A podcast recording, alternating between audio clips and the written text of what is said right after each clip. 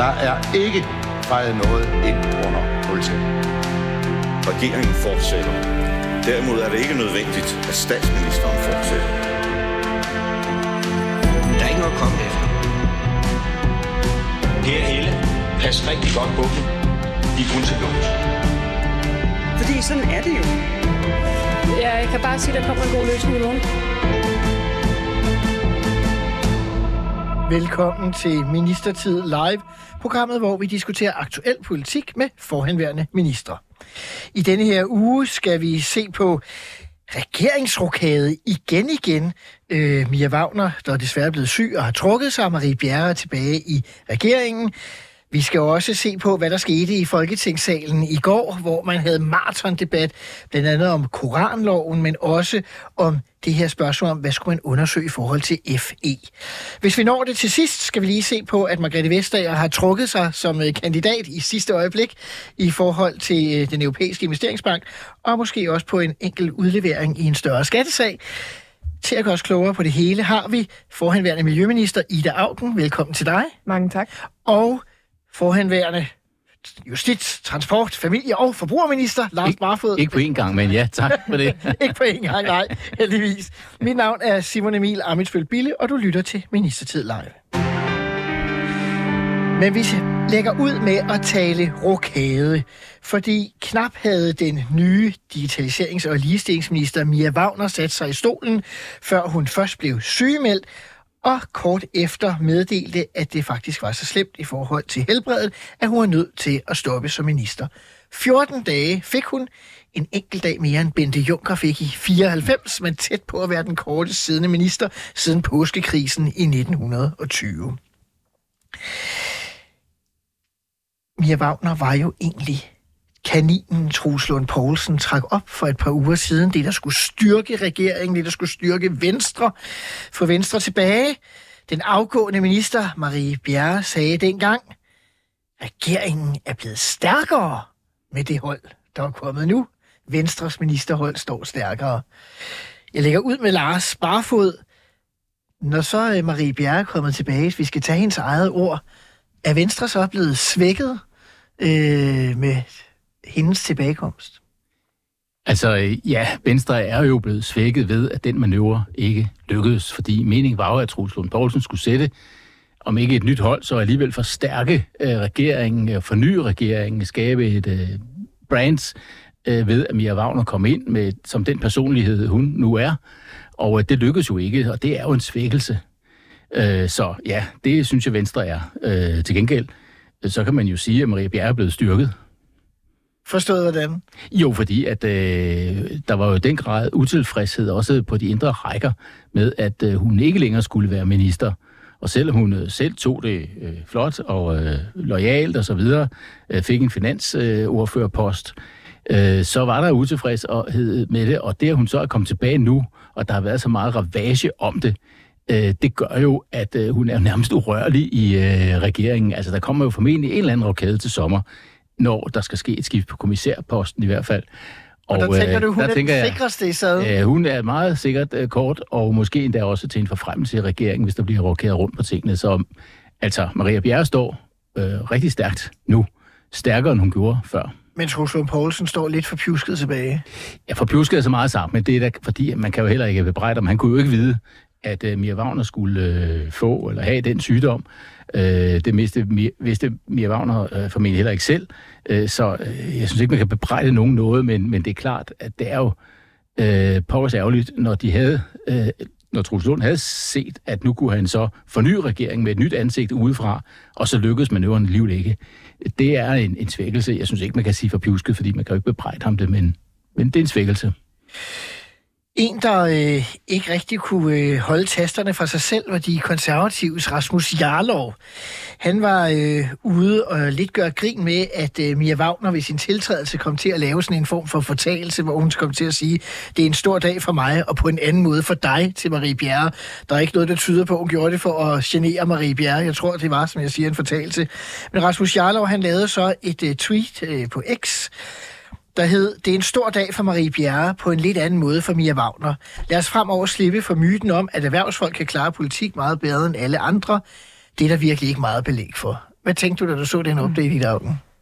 Ej, jeg tænkte, at, øh, at øh, det er måske lidt hårdt at sende efter en kvinde, der er lige blevet sygemeldt med et hjerteproblem. Øh, problem. altså der tror jeg, man skal, man skal flyve højt og lade være at, at blive nedrig. Øh, så det, det synes jeg ikke var så klædeligt at komme med på det her tidspunkt. Øhm, og, og i virkeligheden vil jeg sige, Mia Wagner var jo et bud på nogle dagsordner, jeg personligt synes er rigtig spændende, om kvindelig iværksætteri, hvor hun virkelig har prøvet at gøre noget for at løfte kvindelige iværksættere og finde finansiering. Det er et kæmpe problem, at jeg tror 2% af alle, finansier, altså alle fonds, de går til kvinder, selvom der er lige så mange dygtige kvinder derude. Hun ved rigtig meget om digitalisering, så, så det havde da været spændende at få hende ind på holdet. Hun var meget skræddersyet selv på Jeg, det. jeg synes, hun, hun havde noget, noget spændende. Øh, og øh, omvendt så vil jeg sige, at Marie Bjerre havde gjort det rigtig godt, og jeg er enig med Lars i, at hun kommer styrket ud af det her. Så i sidste ende kan der jo godt have været... Altså, jeg, jeg, ikke, jeg tror ikke, det har været sjovt for hende, men, men det er ikke sikkert, at hun ender med, når hun kigger tilbage på sit liv og ønsker den her begivenhed væk. Men hvis vi lige ser øh, væk fra den måske upassende indledning fra Rasmus Jarlov i tweetet, så skriver han jo også det her med, lad os slippe for myten om, at erhvervsfolk kan klare politik meget bedre end alle andre. Har han en pointe i det? Tommy Ahlers gjorde det jo ret udmærket, men han havde så heller ikke helt tålmodigheden, når man kommer der. Det skal man jo virkelig have i politik. Man skal kunne sidde på sin flade og se tingene gå den forkerte vej i en årrække og finde smuthuller og veje og allierede, man ikke regnede med for at få sine sager igennem. Og jeg tror, hvis man kommer fra erhvervslivet, kommer man jo helt sikkert med nogle typer kompetencer, men men man kan ikke det politiske håndværk, man kan ikke, øh, hvordan får man bygget øh, ting op, når, når folk ikke bare handler efter, hvad en bestyrelse synes, eller en bundlinje, der er ren økonomisk. Så er der noget at lære. Øh, så, så, så, men det var jo ikke det, der var tilfældet her. Det, Mia Wagner har ikke engang forsøgt. Øh, det, man måske kunne sige, det var, at det er et billede på, at det er et ret hårdt job. Altså, og, og man er måske ikke vant til fra Løvens Hule, der får man ret meget medløb. Jeg tror ikke, det er mange kritiske artikler. Det er kun, hvis ens investering er gået dårligt, som regel, at man har været op og skændes med en af de andre løver. Man er nok ikke vant til at blive grænsket i sit privatliv, sin historie, sine meritter, alle sine udtalelser på den måde. Der har jo nok, det har nok kommet som en overraskelse om, hvor voldsomt det tryk så også var på Mia Wagner. Mm-hmm. Lars Barfod, du er jo selv sådan en slags hybridmodel, tænker Mhm. jeg nærmest. Ikke? Du havde jo en erhvervskarriere før øh, politik, men du havde også været aktiv dengang i det konservative Folkeparti i, en, Mm, ja. i meget, meget lang Ja. tid. Ja, altså jeg, jeg vil sige, jeg er faktisk ikke enig i den øh, præmis, at der er en myte om, at erhvervsfolk kan gøre det meget bedre end øh, nogen, som ikke er erhvervsfolk. Øh, Den myte tror jeg ikke eksisterer. Øh, Du synes ikke, den eksisterer nej, ude nej, i, nej, det, i det synes jeg ikke. Nej, det synes jeg ikke, den gør.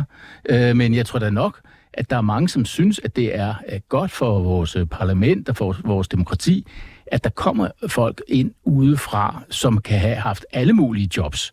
Altså øh, tandlæge, eller øh, tømmer, eller skolelærer, eller hvad ved jeg. Men at det øh, er et øh, parlament, hvor der sidder folk med forskellige baggrunde. Det tror jeg da nok, at der er en almindelig opfattelse af.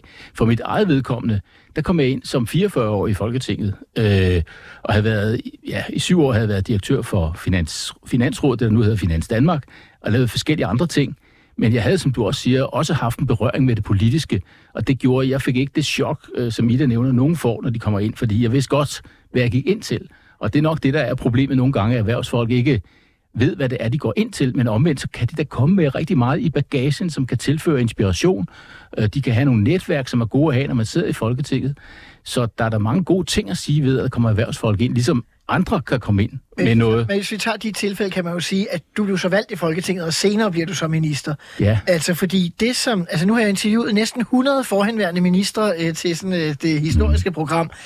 Og noget af det, der i hvert fald står ret tydeligt for mig, det er, at folk, der bliver hævet ind som minister fra gaden, undskyld udtrykket, altså fra et andet job, de har det sindssygt svært i snit, for at sige det sådan. Mhm. Ikke? Jo. Altså de fleste af dem har svært ved faktisk at komme i gang med den der ministerpost, fordi de mangler netværket på Christiansborg. Ja, og noget af det, man, øh, man lærer, når man sidder som opposition, det er jo også øh, at se hullerne og farerne, og se, hvad er det, de andre både kan kaste sig over, men hvad er det også, de andre interesserer sig for, som man kan få dem med på en aftale. Det, det er jo det spændende ved forhandlinger, der er politiske. Økonomiske forhandlinger, der sidder man og handler i kroner og øre. Det er samme valuta. I politik, der handler man lidt pære og bananer, så det kan godt være, at jeg kan give to bananer, som jeg går ikke så meget op i bananer, og få 10 æbler. Ikke? Øh, og det game skal man, skal man, det tager så noget tid at forstå, øh, at politik fungerer på en anden måde øh, end, end det. Ikke? Og så vil jeg sige, netop som du også siger, man ved aldrig, hvem man får brug for på Christiansborg. Min generelle holdning er at behandle alle med respekt, fordi nogle gange er det den sidste ordfører i Dansk Folkeparti, der sidder på nøgle, mm. selv for en, øh, for en flertalsregering, fordi det lige pludselig handler om de der balancer, man skal skabe for at komme igennem med sine ting. Det passer lidt med det der, det, det der ordsprog. Dem, man møder på vej op, det møder man også på vej ned. Altså, så det gælder om at behandle alle ordentligt uh, hele vejen igennem. Men jeg er fuldstændig enig i, det der chok, det, er der no, det får man, hvis man bliver minister, uden at have været i Folketinget før, så får man i hvert fald meget let det der chok, fordi øh, og, og, og det er overvældende på mange måder, øh, også med den kritiske presse og så videre. Øh, og, og så, som Ida siger, man, man skal forstå, hvordan tingene foregår. For eksempel vigtigheden af, at øh, holde møder med ordførerne og inddrage dem, ikke mindst regeringspartiernes ordfører og så videre. Alt det, øh, det lærer man jo, hvis man har været i Folketinget noget tid, før man bliver minister, i stedet for at man lige bliver kastet ind i det. Det har bare ikke noget at gøre med den, synes jeg, forkerte myte, at man, nogen går og påstår, at uh, erhvervsfolk de kan gøre det meget bedre. Uh, den myte synes jeg ikke, der er der, men, men og jeg synes tit, det der, det, det, de kan komme tilføre noget, men det er sådan, at de klarer sig nok bedre, hvis de har en forståelse for politik på forhånd og er blevet forberedt på det. Noget, der har været en øjenåbner for mig, det er en bog, jeg læser i øjeblikket af en engelsk politiker, der hedder Rory Stewart. Han er gået ud af politik nu, og han kom mm. så ind fra, fra øh, både som professor og, og NGO-verden, øh, og blev så i, øh, i Tory-regeringen øh, miljøminister under Liz Truss. Og det at læse ham beskrive, hvordan han kæmpede for luftforurening, øh, det lignede fuldstændig mine oplevelser som minister i 2011 på luftforurening. Ikke? Fordi han kommer ind, og så får han at vide, du ved, der dør øh, 100.000 mennesker af luftforurening, og vi kan spare xx antal Han har milliarder. bare et katalog af idéer. Ja, og han tænker, super, det er det, jeg skal lave som miljøminister. Mm. Så han går til finansministeren og siger, se alle de her penge, vi kan spare, hvis vi gør noget mod øh, forurening af biler i byerne. Så bliver han helt fuldstændig ned og brættet, de penge, penge findes ikke. Så løber han over til sundhedsministeren og siger, se alle de her sundhedseffekter, alle de penge, vi kan svare i sundhedsministeriet. Glem det, det findes overhovedet ikke. Så prøver han at gå til EU og se på, at der er sådan nogle euronorm 6 og 7. Skal vi ikke forbedre dem? Glem det, de snyder på vægten med de der regler. Altså, og, og når man så gerne vil gøre noget for luftforurening, den der måde, man folk tror, at en minister sidder med et kæmpestor ret og kører en bil, og kører et eller andet sted hen, og, og, og i virkeligheden tit jo nok må være så dum, at de kun kan køre ind i hegnet, eller køre ind i skandaler.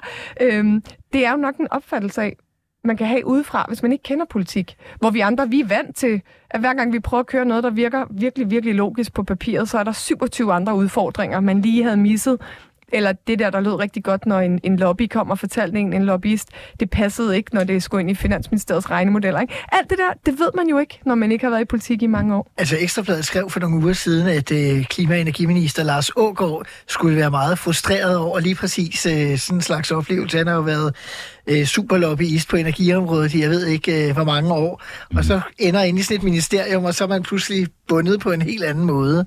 Så, så det er jo en bred erkendelse, det tror jeg, vi alle sammen har oplevet, når vi har siddet ja, ja, men jeg stod som der, minister, ikke? Jeg stod der på, på mange ting. Jeg, havde også, jeg drillede ham også med det. Jeg holdt også en tale for ham på et tidspunkt, hvor jeg Ågaard? drillede ham med det. Nej, øh, Nå. da jeg var minister, der havde jeg på et tidspunkt en departementchef, som jeg havde med, jeg kom, når jeg sådan kom mandag morgen, havde fået nogle idéer, synes jeg, i løbet af weekenden, som var fantastiske. Så ah, kom lige ind, siger jeg, så nu skal du bare høre. Så forklarer jeg, spændende, spændende, sagde han. Ja, nej, interessant. Og jeg tænkte, hold da op, departementchefen er helt med på, er helt med på mine, er helt med på mine idéer.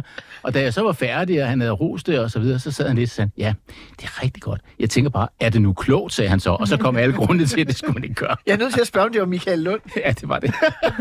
og det er ikke en hemmelighed. Jeg sagde det til ham i en tale, jeg holdt for ham. Ja, ja, ja. Og, og, øh, han var Det er fantastisk. meget savnomsbunden departement. Han er fantastisk, Men- men øh, nu er det han var her- fantastisk departementchef. det her- Jeg har holdt meget af ham, så det er slet ikke for at sige noget dårligt om ham, tværtimod. For han er en klog mand, men det er bare sjovt, det der mekanisme, der er. Jeg tænker bare, at det her program er jo også lidt for nørder. Så at, at få, få forklaret, altså, hvordan man kommer ind i det der store system, og bare sidder og tænker, "Mm, man har de der idéer, men, men man har faktisk tit kun en dårlig mulighed og en katastrofal mulighed, når de lægger det frem for en. Og så tager man sådan, nå, den er, den er så lidt dårlig, men kan jeg så gøre den lidt bedre, eller få, få løst flere problemer på én gang? Øh, og hvor meget tid man som minister også bruger på at undgå skandaler og kriser, mm. øh, som folk aldrig ser Mm. som er noget, øh, man bruger rigtig meget tid på. Og så hvor meget der ligger i systemerne. Altså nu ved jeg, at vi har, den her regering har tidligere fået kritik for at sætte politisk retning på systemerne. Det var også noget, det Anders få var god til. Men det er jo også efter, vi har siddet som minister i en tidligere regering og oplevet lige præcis det, Lars siger. Hvem er det egentlig, der bestemmer her? Og, og der synes jeg, at det skal være politikerne, der sidder for bordenden, og jeg afskyr, når der kommer øh, folk ind og laver systemsvar, som ikke er... Altså, det er fint med faglige, øh, juridiske, økonomiske indvendinger, men når man har fornemmelsen af, her spiller jeg med skyggebokser, og jeg ved ikke engang nogle gange helt, hvem jeg er oppe og diskutere med, det er ikke ministeren, det er noget længere nede i systemet. Det er noget af det, jeg synes er aller værst. Og man bruger jo som minister rigtig meget sin tid, ikke på oppositionen, men på Finansministeriet, mm. eller på systemerne, på at få sine ting mm. igennem. Mm. Det tror jeg bare kan være måske noget, der kan forklare folk, hvorfor politik også er til tager tid, og altså, hvorfor det kan ligne, at vi ikke gør det, vi lovede, eller det, vi gerne ville. Jeg, siger, jeg kan huske, fra, da jeg selv lige var blevet minister, så kom der sådan en, en herskare af embedsmænd ind og forklarede en eller anden diskussion, de havde med Erhvervsministeriet. Og det var nærmest som, de havde glemt, hvorfor de havde den krig, den havde de haft i mange år. Mm. Men de kunne nærmest ikke forklare, hvorfor det var vigtigt. så vi droppede ret hurtigt sagen, men apropos hvad du siger med katastrofer og tid, ting, der tager tid og så videre, ikke? Altså, det kan være meget mystisk. Nå. Fej, lige, lige ja. forsvare byråkratiet en lille smule. Det er jo også godt, at nogle gange sænker man tempoet og sørger for, at ting bliver tænkt ordentligt igennem og regnet ordentligt igennem, ja, og skal være juridisk øh, holdbare det hele. Så bare lige sige, der er også tit gode grunde til, Jamen, og jeg synes virkelig, vi har et stærkt embedsværk, så det vil jeg godt lige tilføje. Ja, det, altså, det er nemlig enig i, at, at, at ofte så er det jo også klogt at man bliver advaret mod en eller anden vild idé, man har fået. Øh, så, så når min departementchef sagde sådan, så var det faktisk klogt.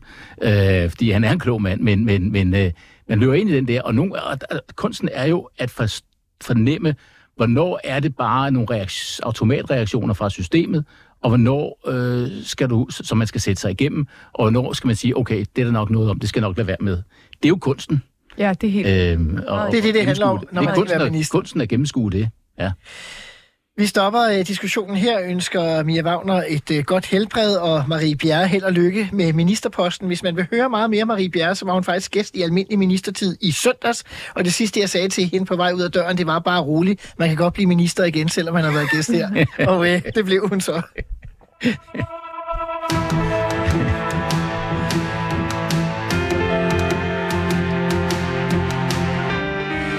Nu skal vi lidt øh, mere til konkret politik og en sag, som har kørt i øh, offentligheden og også i dette program øh, uge efter uge, nemlig Koranloven, som jeg tillader mig at kalde den sådan lidt populært. Altså det her med afbrændt, forbud mod afbrænding af, af religiøse, øh, bestemte religiøse skrifter. Det blev endelig vedtaget i Folketinget i går. Og når jeg siger endelig, så er det fordi, vi har haft debatten øh, i så lang tid. Det blev en lang og, og følelsesfuld øh, debat, men jo i virkeligheden kun med modstanderne øh, af den. For hverken ingen af de tre regeringspartier, S, V og M, vil deltage i debatten. Heller ikke de radikale, der støttede regeringen, vil deltage i debatten. Faktisk var det kun Jon Steffensen, løsgænger, tidligere medlem af Moderaterne, der øh, var parat til at stille sig op øh, og forsvare det. Øh, I dag, hvorfor gør man egentlig ikke det? Altså, Men det er jo også øh, en forkert udlægning af sagen, for der har jo været en første behandling af loven, og det er jo der, vi tager debatten normalt. Der var jo ikke noget nyt i anden behandlingen. Amen, det, det, det, vi tog fire timers debat, så dem der, der prøvede at få det til at sige, at regeringen ville ikke diskutere sagen, de tegner jo et forkert billede af politik. For vi havde fire timers debat, vi havde 136 spørgsmål, som alle sammen blev besvaret, og der var ikke kommet noget nyt frem. Så det, handlede, det der i går handlede om politisk drilleri, at man ville stille sig op og tegne et eller andet billede af, det hele var meget fordækt og meget forkert og meget... Øh, altså at, at komme frem med sine synspunkter en gang til. Det er fair nok, men man kan bare ikke forvente, at vi gider at tage et rerun på hele debatten en gang til. Men, når, men for... lykkes det i virkeligheden ikke for oppositionen at få det til at virke fordækt? Altså når vælgerne ser det udefra, så kan det godt være, at uh, man synes, man havde spildt en time eller to eller tre nede i Folketingssalen, men når man sidder og læser det udefra, så virker det jo som om, at regeringen ikke engang ønsker at stå på mål, at de skammer sig over deres egen politik. Men det, det gør det jo ikke mindre rigtigt, det I der siger. Jo, altså, det gør det jo, fordi... Nej, for det er jo sådan, som hun siger. det kan du sige. Debatten har jo været der, altså, så det er rigtigt. Men der er jo både første, anden og tredje. Jeg kan godt se, at der tegnet sådan et billede. Ja. Øh, men det er bare et falsk billede. Men er det så ikke... Så medierne så men undskyld mig, er det, så, er det så ikke uh, lidt uh, dårligt politisk håndværk? Fordi man, når man er en regering, så er man også interesseret i, at man fremstår bedst muligt. Og hvis man nu forsvarer sin politik, så virker det som, man tror på den. Hvis man ikke forsvarer den, så virker det som, man selv skammer sig over den. Nej, jeg synes ikke, det er politisk, dårligt politisk håndværk. Altså, man kan diskutere, jeg har jo ikke været på nogen måde ind i det, og så kan man måske også bedre vurdere det nogle gange. Altså, øh, man kan sige, om der er, det er dårligt kommunikationshåndværk, at man ikke har fået det ud øh, for, for alvor, at, at øh, den debat jo har været der. Øh, det kan man sige. Men ja. jeg synes, øh, sagen har jo været kørt, som alle andre sager kører i Folketinget, at man tager den der principielle debat ved første behandlingen. Og det er ligesom det, Så er der en anden behandling, der er ændringsforslag, man kan diskutere. Der kan komme noget op der selvfølgelig, som man, man bør diskutere, altså omkring ændringsforslagene, det ved jeg så ikke om på tilfældet her. Det var det ikke. Øh, men, men ellers så tager man jo ikke en debat. Hvis der er ændringsforslag, så stemmer man om dem. Hvis det er noget principielt ændringsforslag, så kan man tage en debat om det. Og så er der en tredje behandling, der stemmer man bare om lovforslaget, som det nu ligger. Og det tager man stort set aldrig en debat om. Men Folketingets forretningsorden ligger jo op til, at man kan tage en debat, og man kan sige, Det kan man. jeg er da, med den erfaring, jeg har siddet i Folketinget i 18 år, jeg har da deltaget også i diskussioner ved tredje behandling, hvor ministre også har deltaget, også selvom der ikke var ændringsforslag. Jamen, jeg siger heller ikke, det ikke kan ske, men det er bare helt, det er helt sædvanligt, at det er håndteret på den måde, som det er her. Men tit i større sager kan der jo godt komme diskussion især til Ja, jamen, det kan der. Ja, Men det er bare at sige, at man ikke vil tage debatten. Det holder jo ikke, for det har man gjort. men, men er det ikke stadigvæk det billede, der står tilbage? Det er muligt, men, men, men det er jo så det, man må prøve at skubbe den anden vej, rent kommunikationsmæssigt. Jeg siger ikke, det er let, men det kan man jo. Men jeg har da lagt mærke til, at der er også medier, der meget gerne vil spille med øh, på kritikken af koranloven på alle måder. Altså, øh, ser en forfærdelig leder, Berlingske har. Berlingske, den øh, leder, øh, Lars Barfod henviser til, for dem, der ikke lige har læst Berlingske, det er jo, hvor man simpelthen skriver navnene på alle jer, vil jeg jo så sige mm. i dag, for du sidder jo i Folketinget for Socialdemokraterne, som øh, stemte for den. Øh, altså, hvordan har du det med det, at Berlingske laver sådan en, vi skal huske disse navne, tror jeg, det hedder. Ja, det er en helt hysterisk leder. Øh, og, øh, og jeg har hørt gode øh, borgerlige folk, og nu også øh, Lars Barfod, synes, at der har Berlingske godt nok gået ekstremt vidt. Fordi det er jo tale om at lave en lov, der handler om, at man ikke skal rende rundt og brænde koraner i Danmark og skænde alle mulige ting. Og det burde jo være et borgerligt standpunkt, at ytringsfriheden, den handler ikke om at genere så mange mennesker som muligt. Vi har haft over 500 koranopbrændinger i år, og det er farligt for danskernes sikkerhed. Det borgerlige standpunkt burde jo være at finde de rigtige balancer øh, og sikre danskernes sikkerhed, sikre orden i det offentlige rum, ikke lade Paludan-typerne styre, øh, hvem vi kan forhandle med vores relationer til andre lande, som vi for eksempel her på koppen har ret meget brug for øh, ude altså, i verden. miljøtopmøde. Ja, klimatopmøde. Ja. Øh, og, og det synes jeg er en total mangel på, på, på, på proportioner, den her, øh, den her øh, leder. Og man skal huske, det er jo ikke mange år siden, vi havde en blasfemiparagraf, som vi i øvrigt i Socialdemokratiet ikke Som afskaffe. hele Folketinget på nær Socialdemokratiet Ja. afskaffet. Og altså, vi vil af samme grund ikke afskaffe dem. Altså, det er jo ikke, fordi vi ikke synes, man gerne må kritisere og drille religion, og det må man også i dag. Men, men behøver man at lave blasfemi? Altså, behøver man at gå ud og ramme øh, folks religiøse føl- følelser der, hvor det er allermest sårbart? Man skal jo selvfølgelig have lov at kritisere de iranske styre og øh, den måde, de behandler kvinder på. Alting, det kan man også stadig i dag. Men der er jo nogen, der så vil argumentere med, uden at vi skal gå ind og tage koran. Jeg ved du står. Øh, jeg har en fornemmelse af, hvor du det står. ikke. Jeg går altid imod mine gæster. Det er jo ligesom okay, konceptet i programmet. Øh, hvad det? Men, men man kunne jo sige, at øh, for eksempel kvinder og homoseksuelle og andre, som øh, bliver øh, slået ihjel og øh, i islams navn af den iranske øh, islamiske republik, øh, de må så ikke lave en happening, hvor de øh, gør noget ved Koranen, fordi den er helligt for dem, der øh, slår dem ihjel. Men de Er kunne jo sådan set bare lave noget for at gøre opmærksom på, hvad den iranske regering gør. Altså, hvorfor gå- give sig ud i at skænde et, et helligskrift for milliarder af mennesker? Hvorfor ikke lave det, som... Altså, jeg har selv stået og i sympati klippet hår af og lavet kæmpe demonstrationer i Danmark. Det kan vi da sagtens virkelig sige fra over for det iranske styre.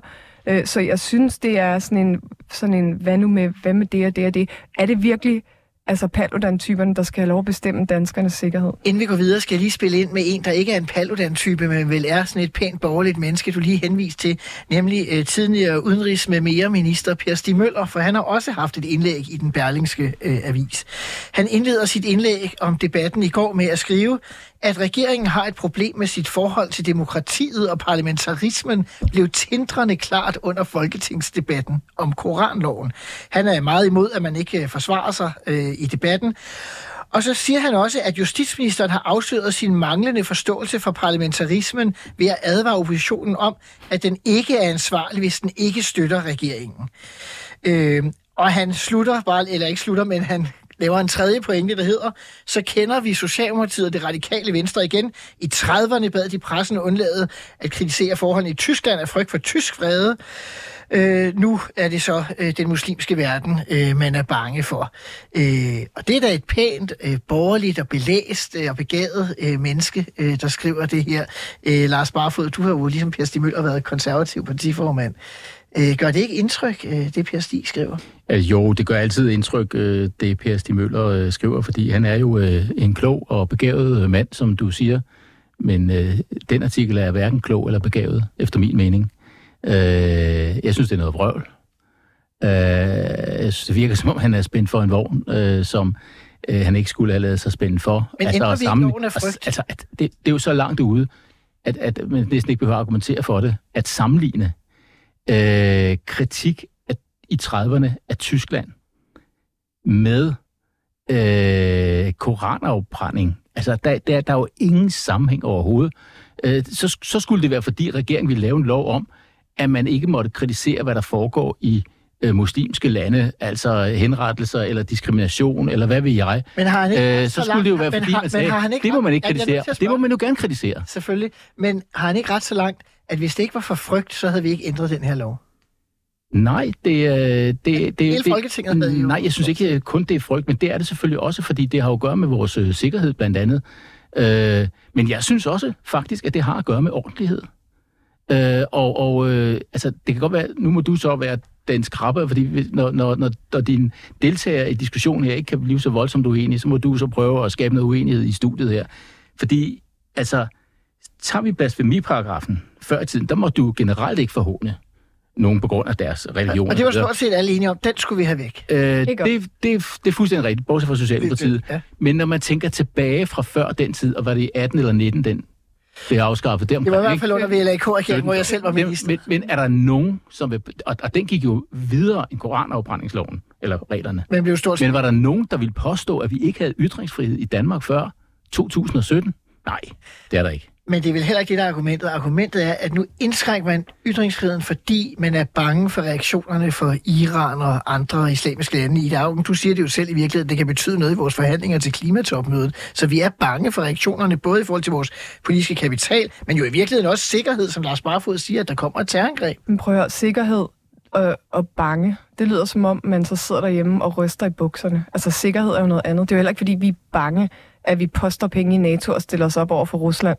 Det er fordi, vi klogt prøver at varetage danskernes sikkerhed bedst muligt. Og når vi får klare beskeder om, at der er kun to lande i verden, der brænder koraner af, det er farligt for jeres borgere.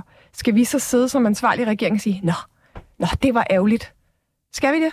Det synes jeg ikke. Jeg synes, det er, det er forskellen på at have ansvaret i et land og ikke at have den. Det er, at man kan tillade sig at stå udenfor og sige, ja, men der er et eller andet øh, meget principielt lige her med, jeg vil have lov at smøre en bacon, øh, bacon rundt i en, øh, hvad det nu er, fordi det er jo nu øh, højeste kunst, man kan finde på, åbenbart. Øh, smøre en koran ind i bacon. Eller, sådan. det var en stor diskussion i går, så vidt jeg husker. Ikke? Øh, øh, og, øh, og, og der har jeg det bare sådan, det, det er altså for mig for langt ude i forhold til, at det handler om danskernes sikkerhed, og det handler om vores internationale alliancer, og det handler om, at vi lige nu skal stå.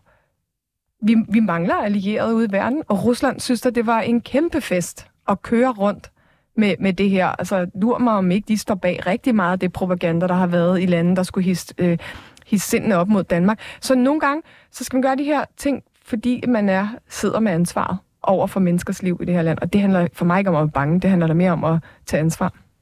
En, der i hvert fald er glad for det, som øh, regeringen og de radikale har gjort, det er Grimhøj-moskéens øh, imam, øh, samme, øh, der er kendt for øh, moskéerne, hvad hedder det, bag øh, sløret, øh, og som er sådan meget, øh, øh, meget lidt demokratisk anlagt, og, og kan vi sige det sådan. Øh, altså risikerer vi alligevel ikke at være lidt på den forkerte side af historien, altså det er Iran, det er kontroversielle imamer i Danmark og så videre, der støtter regeringen.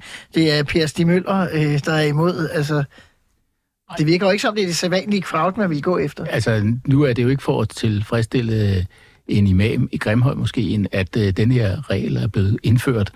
Øh, og, og man kan jo ikke bare stille ham op over for Pesti Møller. Der er jo masser af andre gode, ordentligt belæste folk, øh, som støtter, at der bliver en form for regulering. Tag nu bare en god, gammel konservativ som Ditlev Tam, som jo også har støttet, så har han kritiseret sådan teknikaliteterne i juraen i de regler, der blev foreslået. Men han er jo også i princippet gået ind for det her. Så, så, så hvis du vil... Jeg synes hellere, du skulle stille dit Lev Tam op over for Per Stig Møller, i stedet for imamen fra Grimhøj måske. Og så kan du sige, der er altså to ordentlige demokratiske folk, konservative endda, som øh, Juraprofessor mm. som har hver deres opfattelse af tingene. Jeg stiller mig på de blev tam side, der er andre, der stiller på Per Stig Møllers side. Hvornår har vi sidst øh, indskrænket ytringsfriheden? Det kan jeg ikke huske, Men, der er ikke øh, 127. Nej, det er ikke, hvor mange der er. Det er, Jamen, jeg hvornår tror, der er sidst gået 100... den forkerte vej. Altså, det amerikanske flag må man for eksempel ikke brænde af øh, i Danmark. Og det jo- var jo et nyt for mig. Det var, Så- det var ikke nyt for mig, for det har DF haft beslutningsforslag Om, at de det gerne vil have... Meget forfærdeligt, at man jo måtte brænde Dannebro af, men ikke andre landes Ja. flag. Ja. Jeg, husker Jeg tror, jeg tror, man skal sige, at ytringsfrihed er en helt central ret i vores samfund. Den har vi stadigvæk, og den er meget vidtgående også stadigvæk.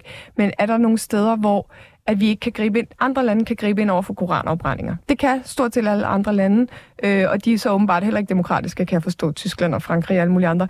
Vi har så i vores lov kun haft mulighed for at gøre det, hvis det troede den offentlige orden, men sagen er, der møder fire mand op, når Paludan brænder en en koran af, så det er lidt svært for politiet at håndhæve noget, der skulle hedde, at nu forstyrrer du den offentlige orden.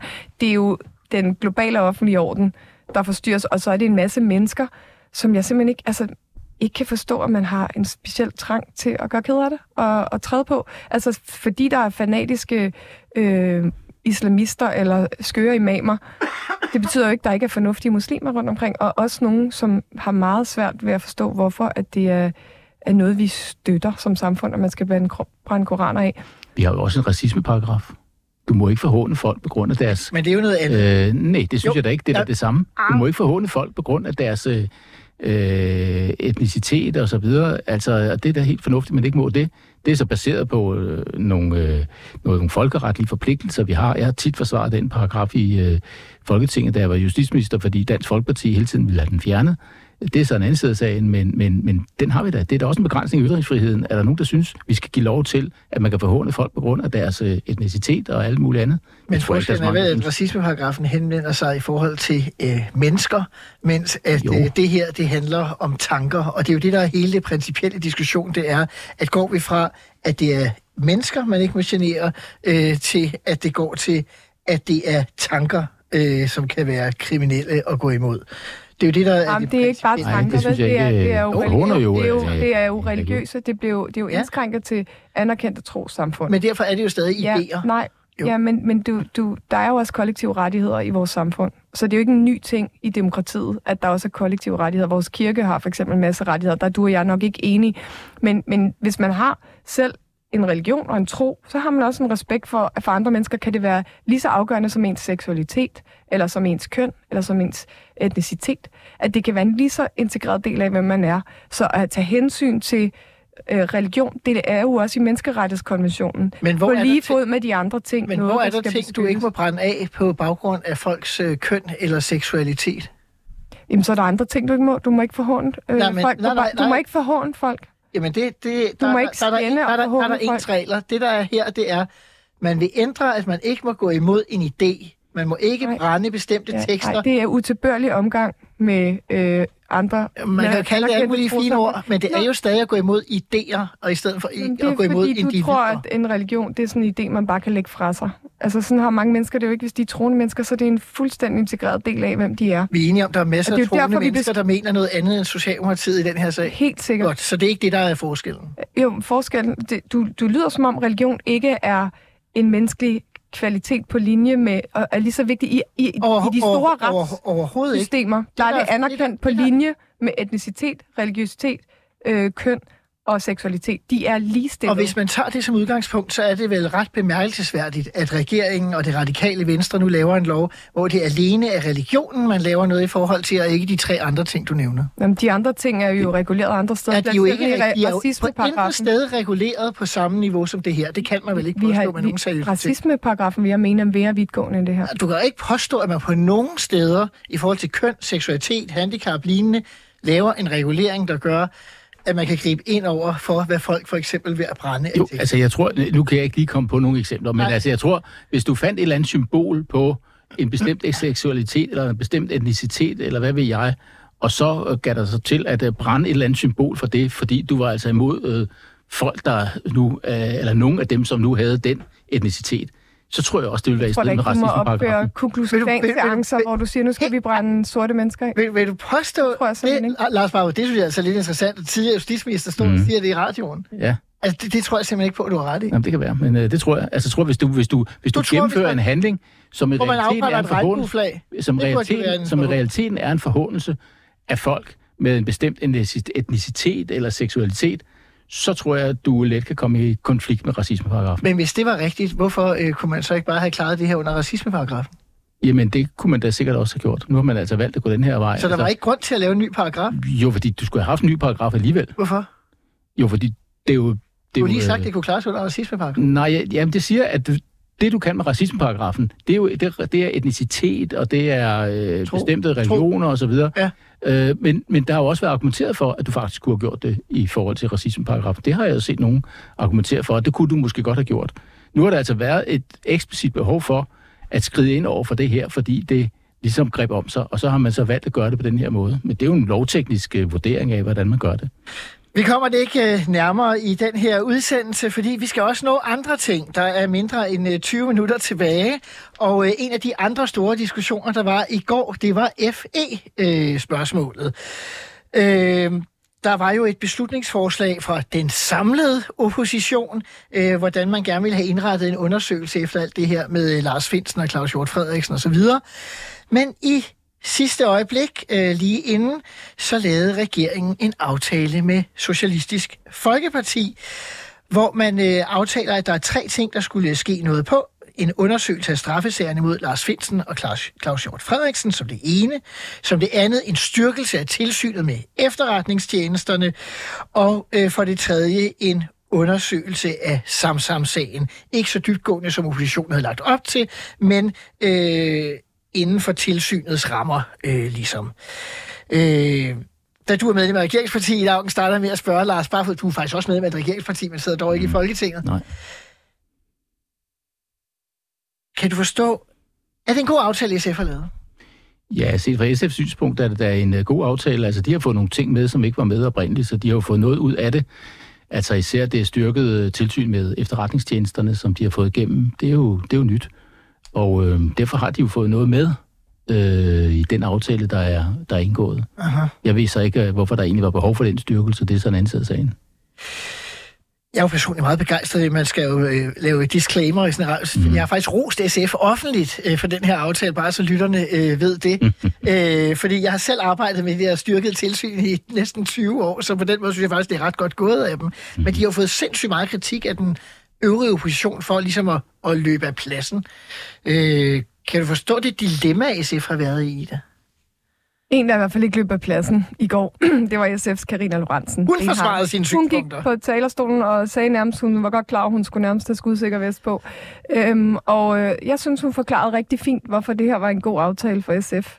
Og politik er jo netop sådan, at nogle gange så man sige, okay, der er et flertal, der vil noget, men kan jeg ved at slutte mig til få noget mere? Og det har SF gjort. Og det synes jeg sådan set er godt arbejde.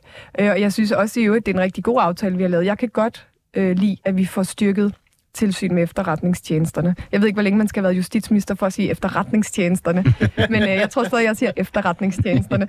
Øhm, men men øh, det er jo en, en balancegang, det her. Og det er alt, der har med efterretning at gøre, fordi vi skal jo på den ene side sikre, at de andre efterretningstjenester vil give os de oplysninger og være helt sikre på, at de ikke går videre, hvis der er et terrorangreb på vej, eller hvis der sker andre ting. Det skal vi være 100% sikre på, at det ikke går videre. Samtidig, hvis man så vil have åbenhed og tilsyn, hvordan balancerer man de her ting? Og det er jo der, man altid sidder øh, og skal lave afvejningerne. Jeg tror, det er godt, øh, den måde, vi har sat det her op på. Altså, Lars Barfod, jeg kan ikke lade være med lige at at notere mig, at du jo som uh, tidligere justitsminister siger, at du vidste ikke, hvorfor der var brug for, for, for øget mm, tilsyn. ja. Altså, jeg kan huske, en af de ting, der altid undrede mig, det var, at, at både Tyskland og USA og Norge havde et stærkere tilsyn med deres efterretningstjenester mm, end Danmark. Så man tænker, det er jo sådan også lande, der alligevel tager sikkerhed og, og så videre rimelig alvorligt. Hvorfor er det sådan særligt i Danmark altid har været sådan svagere, end dem, vi sammenligner os Ja, med? altså, øh, det, det er heller ikke fordi, jeg tror, der sker nogle ulykker ved øh, de her ændringer. Øh, men men ja, det er jo en knivsæk, man bevæger sig på, fordi øh, øh, jo flere, der deltager i det her tilsyn, og jo flere informationer, der flyder fra tilsynet til Folketingets øh, udvalg for tilsyn og så videre, ja, jo større er risikoen for, at informationer, der ikke skal ud, kommer ud. Og det er øh, problematisk. Og, og derfor så er jeg nok sådan, og det kan være, at jeg så er lidt opdraget i Justitsministeriet ved at være været der nogle år, øh, men, men øh, sådan på den påpasselige side der. Og jeg synes bare ikke, der har været sådan eksempler på, at der er sket noget i efterretningstjenesten, som har været problematisk, øh, og derfor kan jeg ikke lige se, hvorfor der lige nu er behov for det. Øh, faktisk så viste det sig jo, at de ting, der var foregået i FE, FE som, som var årsagen til, at Lars Finsen og andre blev sendt øh, hjem, øh, det blev jo så undersøgt. Og der fandt man ud af, at den kritik, den var, en, den var der egentlig ikke grundlag for. Øh, så øh, de blev jo sådan set der renset hele den sag, der har været med Lars Finsen. Den har jo handlet om noget andet. Den har handlet om, hvorvidt han skulle have viderebragt nogle oplysninger, efter han var blevet sendt hjem.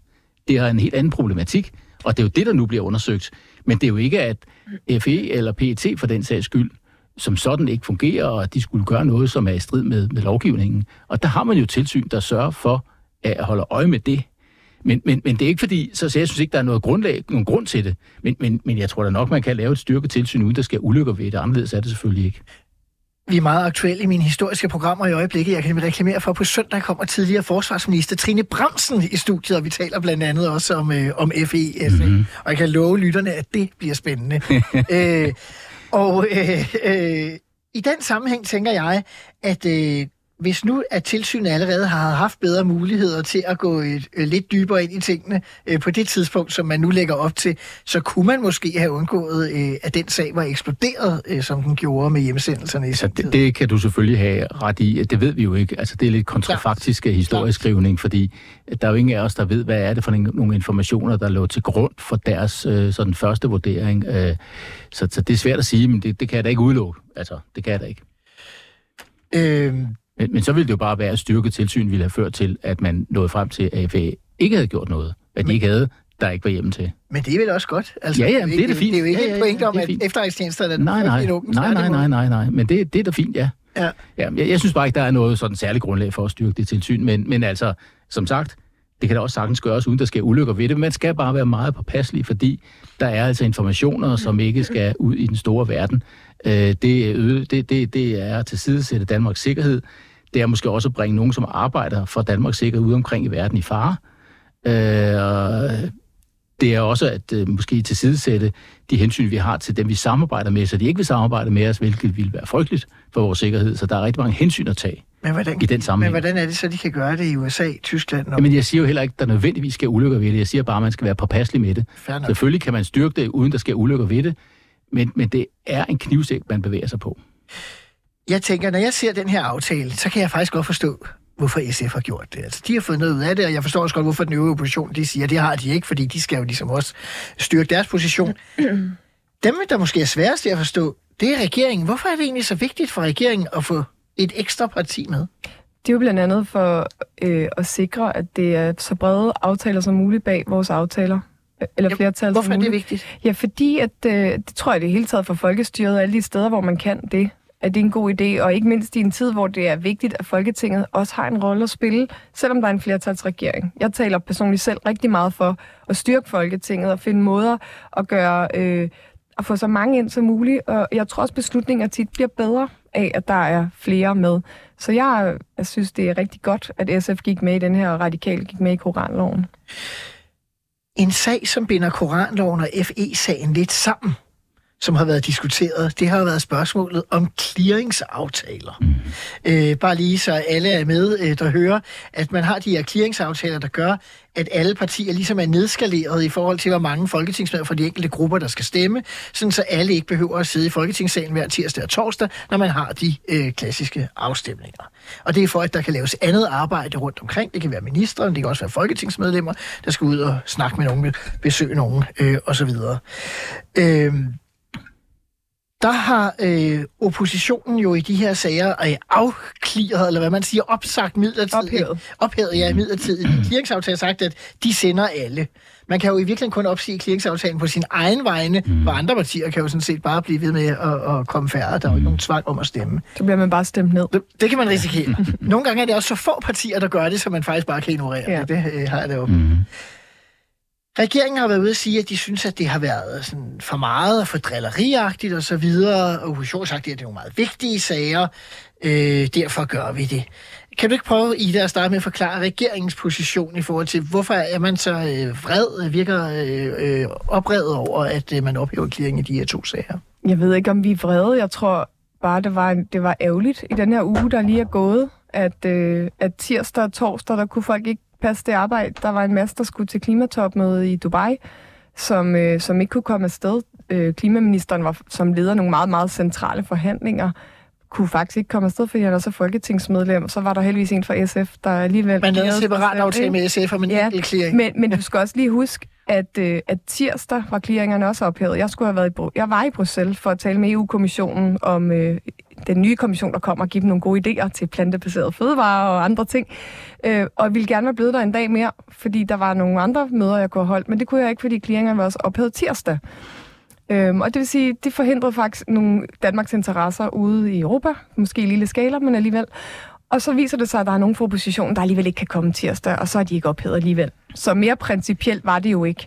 Øh, og derfor begynder det jo at ligne mere politisk drilleri og drama, og det lyder voldsomt, og der, så der var nogen, der troede, jeg havde sådan en Twitter-diskussion med nogen, eller X, hvad det nu hedder, øh, som mente, nu bliver det afsløret, at der ikke er opbakning til koranloven, men det var det jo ikke. Vi gik jo derned alle sammen og stemte for både koran og FE, eller mod, var det jo så på FE, ikke? Øhm, så, så det... Øh, jeg, jeg, jeg synes, det lignede politisk drilleri. Jeg synes, det var rigtig ærgerligt, at der var folk, der ikke kunne passe deres arbejde. Men, men hvad er det for et redskab? Kan I forklare lytterne, hvad er det egentlig, man vil, når man ophæver clearingsaftalen? Man vil nok gerne bringe regeringen i mindretal. Altså, man drømmer jo om, at der er ligesom Glistrup dengang, der ikke lige nåede frem, og så væltede der en Erhard, regering. Erhard. Ja, det var Erhard, undskyld. Ja, ja, selvfølgelig. Det var en socialdemokrat. Altså, der er ikke lige noget frem, og, og væltede en regering, ikke? Øhm, det er nok den ultimative våde drøm, at der er en eller anden derude, Men er der ikke mener det. Altså, Jo, eller et håb om, at, man, at der er nogle folk, eller en tro måske om, at der sidder nogle folketingsmedlemmer og putter sig, som egentlig ikke vil stemme med sit parti. Så nu ryger vi dem ud. Det tror jeg er den anden tanke. Og den tredje er jo, at det kan altid lave en overskrift eller to eller tre af clearingerne er ophævet. Og hvis folk har svært ved at gennemskue, hvad det handler om, så lyder det jo endnu mere som nu, der er noget fordækt, og regeringen er nok magtfuldkommen og alt muligt. men Lars Barfod, er der tidspunkter, hvor det er på sin plads at ophæve clearingsaftalen? Altså ja, det er der vel nok, øh, men jeg tror, at i de fleste tilfælde, så er det lidt politisk drilleri, fordi øh, altså, det, det er jo blandt andet i hvert fald for, hvis man vil have dem ophævet, så er det jo for at få nogen frem i busken, som er uenige med deres parti, øh, og så tvinge dem til at øh, bekende kulør, enten bekende kulør og stemme, hvad de virkelig mener, eller tvinge dem til at stemme mod deres øh, vilje sammen med øh, deres øh, folketingsgruppe. Øh, fordi selvfølgelig kan man godt øh, gemme sig ved at blive clearet, og så ikke deltage i afstemningen, og dermed sige, at jeg stemte ikke med der. Men, men et eller andet Jeg sted, gjorde det selv et i eller andet sted- koranloven, vil jeg sige. et eller andet sted bidrager man jo alligevel til det, øh, ved at være væk. Øh, fordi så øh, møder man jo ikke op og stemmer den anden vej. Så et eller andet sted kan du sige, du bidrager jo også til at få noget gennemført ved at blive væk. Men, men, men så, selvfølgelig kan det nogle gange være på sin plads, men som regel så er det jo et udtryk for politisk øh, drilleri. Øh, men, men altså, det, man har lov til det, og sådan er det. Øh, det må man jo bare acceptere. Jeg vil tro, at der er sådan nogle af de meget store etiske spørgsmål, hvor man måske kan være, der vil være partier, der fritstiller deres medlemmer, og fordi det er meget svære spørgsmål, det kunne være aktiv dødshjælp eller andet, så kunne der jo være andre, der tænkte, okay, hvis der er partier, der har partidisciplin, så sidder der måske nogen der, der virkelig etisk ikke kan stemme for det her. Ikke? Mhm. Men der kan også være politiske sager, som jeg vil tro, at det er dagpengereformen. Øh, altså, der sad jo nogle i Socialdemokratiet, der virkelig ikke kunne stemme for den. Så kan man få dem til at, at komme frem og bekende kulør. Og det, det, jeg synes egentlig, det er fair nok, at den mulighed er der. Øh, fordi vi er 179 medlemmer i Folketinget, og vi er valgt personligt, og vi har skrevet under på grundloven hver især. Så på den måde er det fair nok. Det er bare noget, man skal bruge med, med, med varsomhed. Og det, sådan er det med alle de værktøjer, vi har. Man skal aldrig tage en større hammer op, end man har brug for. Men kan I forstå, at folk øh, sidder derude, fordi det er den reaktion, man tit hører sådan lidt. "Jamen, Hvad pokker? Øh, Hvorfor stemmer de ikke? Har vi ikke stemt på dem, for at de skal stemme ind i Folketingssalen? Mm. Altså, Ja. Jeg så altid synes, det var utroligt svært at forklare det her med, at når man var imod. Men du skal du huske, folk vil gerne have, at vi er ude i virkeligheden og møde dem. De vil gerne have, at vi svarer på alle mails, men vi må ikke tjekke mails i Folketingssalen. Vi skal også være til alle udvalgsmøder, og så skal vi i øvrigt være i Folketingssalen og stemme konsekvent. Så du kan godt regne ud, vi skal helst være en 4-5 steder på en gang, hvis vi skal leve op til drømmene om, hvad en folketingspolitiker kan magte. Øhm, og det kan vi jo ikke. Så tit må der jo køre forhandlinger. Samtidig, der klirer man også folk, fordi at det, så kan man gøre det i det tidsrum, så skal det ikke være om natten, men så kan man gøre det i dagtimerne. Der er nogen, der forhandler store, vigtige sager. Det kunne være det her lønløft til sygeplejerskerne. Øh, jamen, det er da fint, de også kan forhandle torsdag mellem 9 og 11, øh, mens vi andre så stemmer. Øh, så, så jeg synes, det er en rigtig god måde at, f- at få folk til at fokusere på det, der er allervigtigst i det politiske arbejde på det tidspunkt. Så I er enige om, at oppositionen drillede sådan set? Ja, altså de har lov til at gøre det, men, men, men det var jo, øh, det var jo drill, drilleri, der var tale om øh, her. Øh, altså, men sådan er det, og det har man jo lov til. Øh, men man skal huske, det er meget, meget sjældent, at den clearing, den bliver ophævet. Det, det er yderst sjældent. Altså, jeg stod og tænkte på, om jeg kunne huske, hvornår jeg selv havde været med til det, og det har jeg nok ikke er op, ophævet. Men altså, været en situation, hvor den blev ophævet i hvert fald, men jeg kan faktisk ikke lige erindre, hvornår det var. Men der har selvfølgelig været et eller andet tidspunkt, hvor jeg været med i en afstemning, hvor der ikke var clearing.